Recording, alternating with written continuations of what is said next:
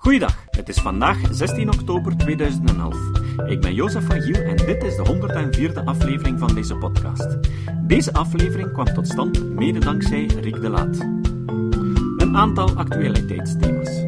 Toen mijn broer 18 werd en ging studeren, vroeg mijn vader hem of hij iets nodig had. Hij antwoordde: een auto. Hij kreeg dus zijn eerste autootje. Het stelde niet veel voor, maar voor een 18-jarige was het perfect. Een occasie-geitje. Ik denk dat ze in Nederland die autootjes eentjes noemen. Toen ik 18 werd, vroeg mijn vader me of ik een auto moest hebben en ik heb geantwoord nee. Ik denk dat ik een Apple Macintosh nodig heb. Dat was toen zo'n doosje met een klein schermpje, klein toetsenbord ervoor en een muis. Wat uniek was aan dat toestel ten opzichte van wat toen een computer geheten werd, was enorm. Het had een muis, een grafisch scherm, geen moeilijke commando's die je van buiten moet leren, en het had zijn eigen karaktertje. Bijna iets mystiek. Ik deed er alles mee. Terwijl mijn jaargenoten op de centrale computer tijds moesten reserveren om hun informatica-opdrachten te kunnen maken, schreef ik rustig op mijn kot, op mijn Mac, een algoritme in Pascal om het getal pi uit te rekenen tot op 100.000 cijfers na de komma. Of voor de opdracht van wiskunde een uh, programma om driedimensionele figuren af te beelden en te projecteren. Mijn eindwerken zijn op die machine gemaakt. Ik deed er gewoon alles mee. Waarschijnlijk heeft bijna iedereen wel zo'n appelverhaal. En de kerel die daarvoor zorgde, Steve Jobs, is nu overleden. Maar dat wist je al. Iedereen wist het, tenzij je voorbije week een survivaltocht aan het doen was in de jungle zonder contact met de buitenwereld. Ik ben daar vorig weekend kwaad voor geworden. Ik heb er slecht van geslapen. Weet je waarom? Omdat hij waarschijnlijk nog had kunnen leven. Toen men in 2003 tijdens een routineonderzoek vaststelde dat hij pancreaskanker had, raadde zijn arts hem aan om de goed te behandelen kwaal onmiddellijk te opereren. Maar Steve Jobs besloot om zich negen maanden lang te laten behandelen met alternatieve therapieën. Na negen maanden kon hij niet anders dan zich te laten opereren, maar de kanker had toen al de kans gekregen om uit te zaaien. Een en ander kan je lezen in Klopt dat wel. Vorig weekend hoor ik in het nieuws dat Ronald Jansen niet wil meewerken aan het psychologisch onderzoek. Ik kon mijn ogen niet geloven toen ik zag wat de gerechtspsycholoog van dienst bovenhaalde toen hij uitlegde wat de teksten betekenden. Hij haalde zowaar een vlekkenpatroon boven van de Rorschach-test. Die gerechtspsycholoog moet dringend naar deze podcast beginnen luisteren. Wie het niet meer weet, ik heb over de Rorschach-test gesproken in aflevering 97, ernstige psychiater gezocht. Maandag schreef Joël de Keuleer een opinieartikel in de Standaard, die tenminste ook achter mijn mening staat. In de Standaard stond maandag een artikel waarvan verteld werd dat het programma Start to Run van Evi Gruijaert het meest illegaal gedownloade luisterboek is. En dat terwijl men volledig legaal mijn Lopen met Darwin programma kan downloaden. Trouwens, wist je dat kritisch denken nu ook in België op de eerste plaats staat van de podcasts over natuurwetenschappen? En Lopen met Darwin staat op nummer 11. En in Nederland staat kritisch denken op de eerste en Lopen met Darwin op de tweede plaats. Valkuilen van ons denken. Bij het begin van dit jaar heb ik gezegd dat ik dit jaar wat dieper zou ingaan op de redenen waarom mensen in allerlei rare dingen geloven. Tot nu toe heb ik daar nog niet veel van terechtgebracht, en het einde van het jaar is al in zicht. Ik zal dus maar rap voortmaken. Vandaag beginnen we dus met een driedelige reeks over de valkuilen van ons denken. De oorspronkelijke tekst komt uit de website van Skepsis. De valkuilen van ons denken. De mens is niet zo rationeel als we graag zouden geloven. Studies hebben aangetoond dat we vaak op systematische en voorspelbare wijze denkfouten maken.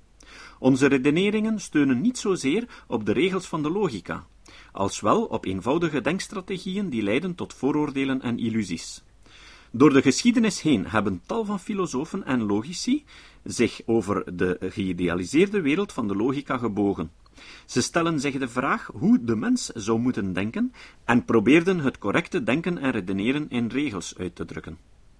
Pas sinds de jaren zestig getroosten wetenschappers zich de moeite met experimenten om na te gaan hoe het in werkelijkheid met ons redeneren is gesteld. Toonaangevend voor dit empirisch onderzoek is het werk van de Amerikaanse psychologen Amos Tversky en Daniel Kahneman, die trouwens onlangs verschenen zijn in Edge.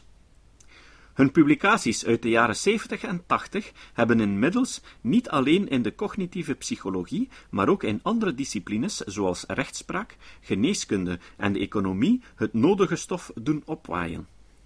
Tversky en Kahneman onderzochten hoe mensen in situaties van onzekerheid oordelen en beslissen. Het soort situaties dus waarmee we in het dagelijkse leven geconfronteerd worden. Of we nu de kwaliteit van een product inschatten, het talent van een sollicitant beoordelen of de evolutie van de markt voorspellen, meestal beschikken we over onvoldoende informatie en kunnen we aan de gebeurtenissen slechts een bepaalde graad van waarschijnlijkheid toekennen.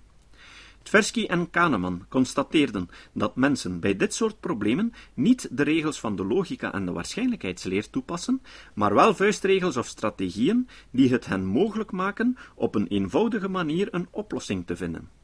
Deze vuistregels of heuristieken zijn soms efficiënt, maar kunnen ons vaak ook op een dwaalspoor zetten, doordat we ze niet op de juiste manier of niet bij het juiste soort probleem toepassen.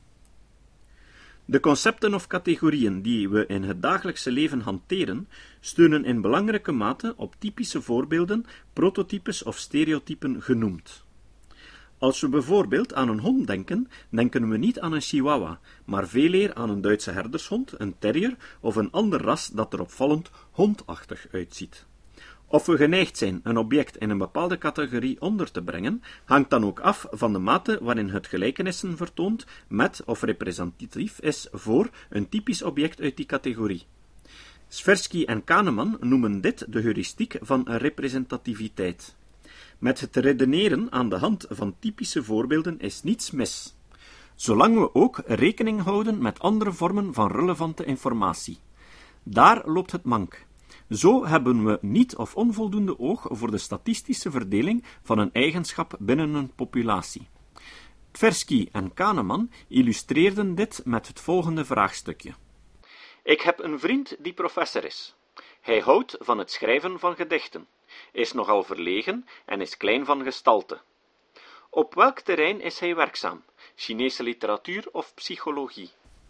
De meerderheid antwoordt hier Chinese literatuur vanuit de veronderstelling dat het schrijven van poëzie eerder een typisch kenmerk is voor een professor literatuur dan voor een professor psychologie.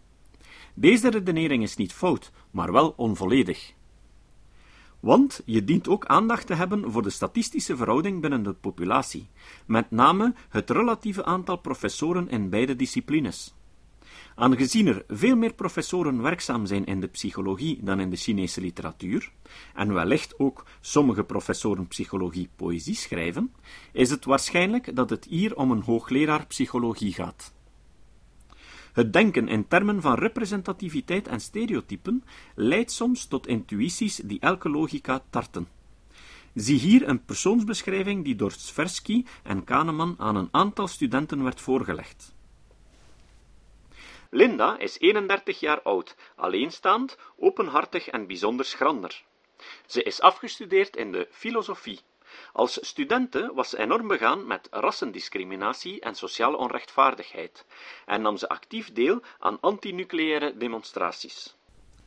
De studenten kregen de opdracht acht beweringen over de mogelijke hobby's en beroepen van Linda te rangschikken, van zeer waarschijnlijk naar zeer onwaarschijnlijk. Tot deze lijst behoorden onder meer A. Linda werkt op een bank. B. Linda werkt op een bank en is actief in de vrouwenbeweging. De meeste studenten vonden bewering B waarschijnlijker dan bewering A. De reden daarvoor moet niet ver worden gezocht. De persoonsbeschrijving van Linda stemt niet overeen met het profiel van een typische bankbediende, zodat de eigenschap bankbediende onwaarschijnlijk wordt geacht. De mogelijkheid feministische bankbediende daarentegen voldoet al heel wat meer aan de persoonsbeschrijving, en dus wordt daar een grotere kans aan toegekend. Nochtans is deze redenering een zinsbegoocheling. Uitspraak B kan onmogelijk waarschijnlijker zijn dan uitspraak A. Want de vrouwen die bankbediende en lid van de vrouwenbeweging zijn, vormen een deelgroep van de vrouwen die alleen maar bankbediende zijn. Algemener geformuleerd is het dus zo dat de kansen dat x zich voordoet altijd hoger liggen dan de kansen dat x en y zich samen voordoen. Als x en y bijvoorbeeld elk een kans van 1 op 10 hebben en onafhankelijk zijn, dan is de kans dat beiden zich tegelijkertijd voordoen slechts 1 op 100. Hier laten de mensen zich evenwel misleiden door de representativiteit. Opmerkelijk in deze studie was dat studenten die een hogere opleiding in statistiek en kansberekening hadden genoten, het amper beter deden dan de anderen. 85% van de zogeheten experts en 90% van de zogeheten naïeve studenten was hier uit de bocht gegaan. Eenzelfde soort uitgeleider werd overigens ook bij concretere problemen uit diverse kennisdomeinen waargenomen. Zo toonde een vergelijkbare test aan dat heel wat artsen de aanwezigheid van twee symptomen, bijvoorbeeld migraine en braken, waarschijnlijker achten dan de aanwezigheid van een van de twee afzonderlijk. Fata Morgana. Ook de omvang van een steekproef, cruciaal in de statistiek en kansberekening, zorgt voor valkuilen in onze redeneringen. Neem de volgende denkpuzzel. In een groot hospitaal worden gemiddeld 45 baby's per dag geboren. In een klein hospitaal bedraagt dat gemiddelde 15 per dag. Het gemiddelde aantal jongens is uiteraard 50%, maar dat percentage varieert per dag. Soms is dat meer, soms is dat een beetje minder. In beide hospitalen wordt het aantal dagen geteld waarop het percentage jongetjes 60% bedraagt. Welk hospitaal heeft meer van die dagen? Het kleine, het grote of tellen ze er allebei evenveel? Niet weinigen zijn van oordeel dat er in beide hospitalen evenveel van die dagen zijn. Het is helaas fout. In het kleine hospitaal zijn er meer van die dagen, omdat je in een kleine steekproef, 15 geboorten per dag, meer kans hebt op een afwijking van het gemiddelde, 60% in plaats van 50%, dan in een grote steekproef, 45 geboortes per dag. Dit soort vergissingen wordt wel eens de wet van de kleine getallen genoemd, met name de neiging om een zeer beperkte steekproef uit een populatie als representatief voor de hele populatie te beschouwen. Toegepast op kans spelen betekent dit dat we een grote willekeurige reeks representatief achten voor een lange reeks die door hetzelfde toevalsmatige proces wordt gegenereerd. Bij een willekeurige reeks kruis of munt bijvoorbeeld, denken velen dat de kenmerken van een lange reeks, willekeurige volgorde en gelijke kansen voor kruis of munt, ook tot uiting komen in een klein onderdeel van die reeks. Daarom vinden ze de korte reeks kruis, munt, kruis, munt, munt, kruis waarschijnlijker dan de reeks kruis, kruis, kruis, munt, munt, munt, die er geordend uitziet, en ook waarschijnlijker dan de reeks kruis, kruis, kruis, kruis, munt, kruis, die te onevenwichtig lijkt. De wet van de kleine getallen is een fata morgana. Ofschoon een lange reeks ongeveer evenveel kruis als munt zal bevatten, kan een klein onderdeel van die reeks een sterke afwijking van het statistische gemiddelde vertonen. De drie zojuist vermelde korte reeksen zijn dan ook even waarschijnlijk en hebben een kans van 1 op 64. Dus 2 tot de zesde macht, aangezien er zes keer werd opgegooid. De wet van de kleine getallen verklaart ook de droggeredenering van de gokker. Menig gokker zal in het roulette-spel op zwart spelen na een reeks rood, vanuit de overtuiging dat de kansen op zwart dan zijn toegenomen. Maar de kans blijft bij elke inzet uiteraard 50% de nul niet meegerekend. Het bolletje heeft geen geheugen, net zoals de gokker blijkbaar, die er maar niet in slaagt lessen te trekken uit in het verleden opgestapelde verliezen. De illusoire wet van de kleine getallen manifesteert zich overigens in uiteenlopende contexten. Zo durven wetenschappers alleen de representativiteit van een kleine steekproef te overschatten. Of neem dit bijvoorbeeld. Toen Londen tijdens de Tweede Wereldoorlog werd gebombardeerd, dachten de inwoners dat er op welbepaalde plaatsen werd gemikt, omdat sommige delen van de stad meer werden geraakt dan andere. Een statistische studie wees evenwel uit dat de bombardementen willekeurig verliepen. Alleen was de bommenreeks te kort om een gelijkmatige spreiding van de schade te verkrijgen. Ook pseudowetenschappers zijn tuk op dit soort drogredenering. Wanneer een helderziende of andere paranormaal begaafde zich aan een beperkte proef waagt, behaalt hij niet zelden een score die boven het toevalsgemiddelde ligt. Een statisticus kijkt daar niet van op, maar een pseudowetenschapper meent hier al vlug magische krachten aan het werk te zien. Hoe beperkter de steekproef, hoe meer de representativiteit ervan in het gedrang komt. Dit statistische gegeven mag al evident en bovendien door de meesten bekend zijn, in onze dagelijkse redenering liggen we er niet wakker van. Zelfs één voorbeeld lijkt ons te volstaan om algemene conclusies te trekken. Deze onverkwikkelijke denkfout werd op een griezelig nauwkeurige wijze door de Amerikaanse psycholoog Ruth Hamill en zijn collega's geregistreerd. Hamill liet twee groepen proefpersonen een videoopname van een geënsceneerd interview met een zogenaamde cipier zien. De eerste groep zag een cipier die in het interview als een zachtaardig persoon naar boven kwam, terwijl de tweede groep kennis maakte met een onbetamelijke brut. Beide groepen werden vervolgens nog eens in drie subgroepen verdeeld.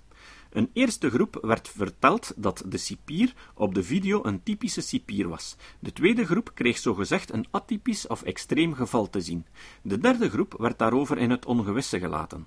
Nadien moesten ze een vragenlijst invullen die onder meer enkele vragen over de attitudes van Amerikaanse cipiers bevatte. De resultaten waren schokkend. Er bleek dat de drie groepen zich op basis van het interview eenzelfde beeld over de cipiers in het algemeen hadden gevormd, ongeacht de informatie die ze over de representativiteit van de geïnterviewde hadden gekregen. Als de geïnterviewde cipier bijvoorbeeld hardvochtig was, concludeerde elke groep dat alle cipiers zo waren, zelfs diegenen die gewaarschuwd waren dat het voorbeeld atypisch was. Lof tot landing. Een ander statistisch principe dat we maar al te vaak over het hoofd zien, is de regressie naar het gemiddelde. Dit concept klinkt wellicht obscuur, maar een illustratie kan het verhelderen. Als een individu op verschillende dagen gelijkwaardige IQ-tests aflegt, zullen de resultaten variëren. De score op zo'n test wordt immers ook beïnvloed door factoren als vermoeidheid, motivatie en externe omstandigheden. En niet te vergeten stom toeval dat men de oplossing van een puzzeltje op dat moment wel of niet ziet. Daardoor zijn de resultaten niet zo betrouwbaar. Dit heeft tot gevolg dat als we een groep mensen selecteren met dezelfde hoge of lage score, die groep bij een volgende of eerdere test gemiddeld wat dichter bij het algemeen gemiddelde blijkt te scoren. Hoe zwakker het verband tussen meting en hermeting is, des te sterker dit effect. Enige sceptisch is dus op zijn plaats als we horen dat een of ander bijspijkerprogramma de scores van een groep zwakke leerlingen heeft verbeterd. Ofschoon regressie naar het gemiddelde al eind vorige week ontdekt werd, laten we er ons telkens door om de tuin leiden. Zo bracht een onderzoek aan het licht dat Israëlische vliegtuiginstructeurs uit hun ervaring een eigen theorietje over beloning en straf hadden gedistilleerd.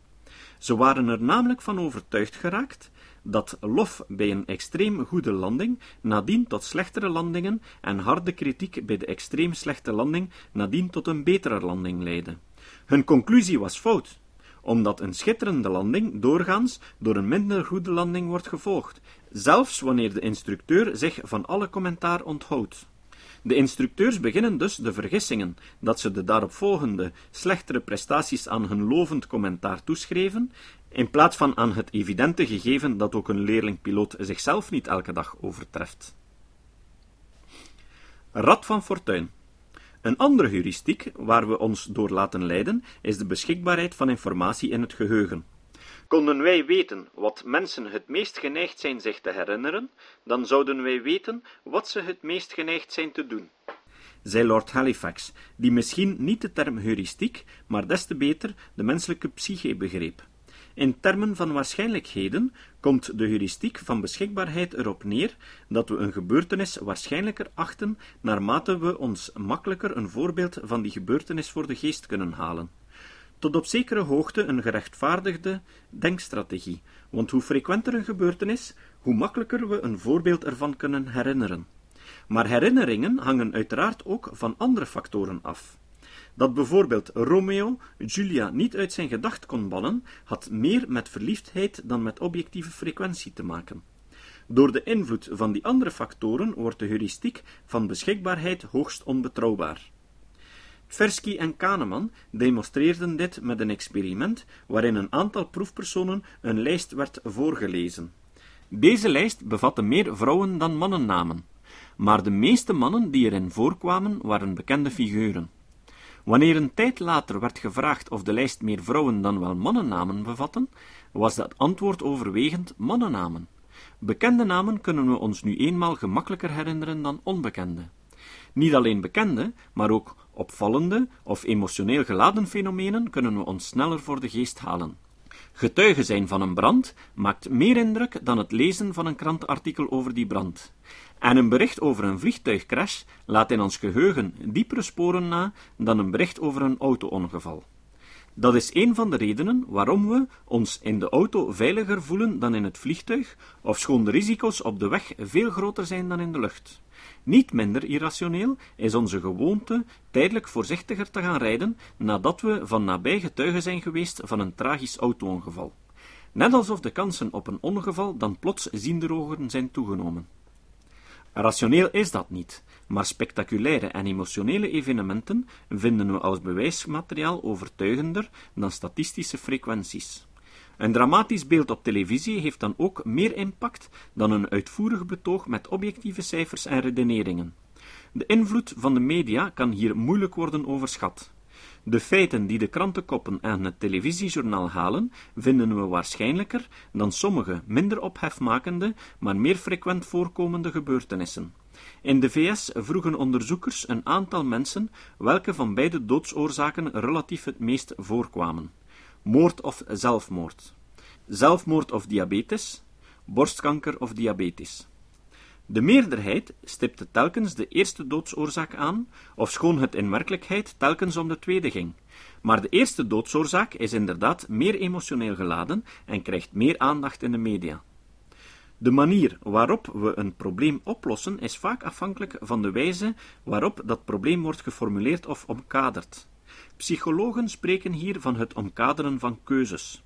Dat ook hooggescholden zich door deze heuristiek laten beetnemen, mocht blijken toen Amerikaanse artsen werd gevraagd of ze in een specifiek geval al dan niet een chirurgische ingreep zouden aanbevelen.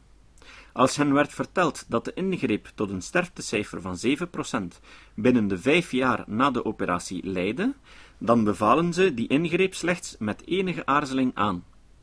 Wanneer echter werd gezegd dat de overlevingskansen 93% bedroeg, dan waren ze veel meer geneigd de ingreep warm aan te bevelen.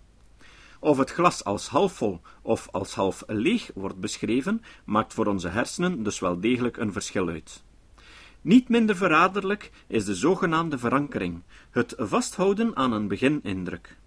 Bij het schatten van kwantitatieve grootheden hebben we de kwalijke gewoonte een eerste schatting onvoldoende in het licht van nieuwe informatie te corrigeren. Dit soort mentale inertie kwam onder meer tot uiting in een experiment van Tversky en Kahneman. Een eerste groep deelnemers kreeg 5 seconden de tijd om het product van 2 x 3 x 4 x 5 x 6 x 7 x 8 te schatten. Terwijl een tweede groep als opdracht 8 x 7 x 6 x 5 x 4 x 3 x 2 kreeg. Aangezien alleen de volgorde van de getallen verschilt, is de uitkomst in beide gevallen hetzelfde, namelijk 40.320. De schattingen van de eerste groep bedroegen evenwel gemiddeld 512, die van de tweede groep 2250. De verklaring hiervoor is eenvoudig.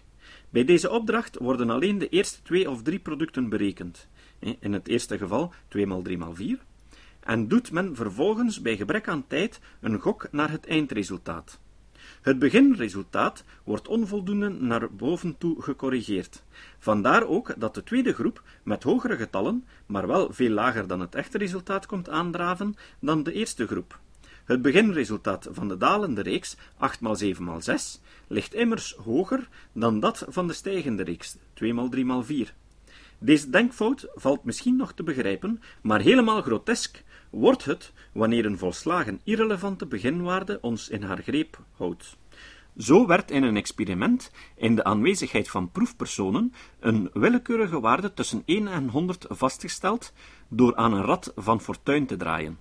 Vervolgens werd de proefpersonen gevraagd hoeveel procent van de Afrikaanse landen lid is van de Verenigde Naties. Ofschoon de proefpersonen er uitdrukkelijk op gewezen werd dat er geen enkel verband bestond met het willekeurig aangeduide getal, lieten ze zich toch door dit getal beïnvloeden. Wanneer het eerste bijvoorbeeld 12 was, kwamen ze tot lagere schattingen dan wanneer het getal 92 was. Misschien moet je ook nog eens het stuk over exponenten opnieuw beluisteren. Het houdt ook verband met deze problematiek. European Podcast Awards. Kritisch Denken is genomineerd voor de European Podcast Awards. Heb je ondertussen al gestemd? Nee? Dan kan je dat nu nog doen. Je kan nog stemmen tot eind oktober. Op mijn website vind je de link. En je kan meerdere keren stemmen. Vergeet ook niet om je vrienden hiervoor warm te maken. Het citaat. Rick heeft vorige week een YouTube-film op onze blog gepost over een discussie tussen een briljante Belgische filosoof en misschien wel de domste minister uit de Belgische geschiedenis, professor Braakman en minister Collat.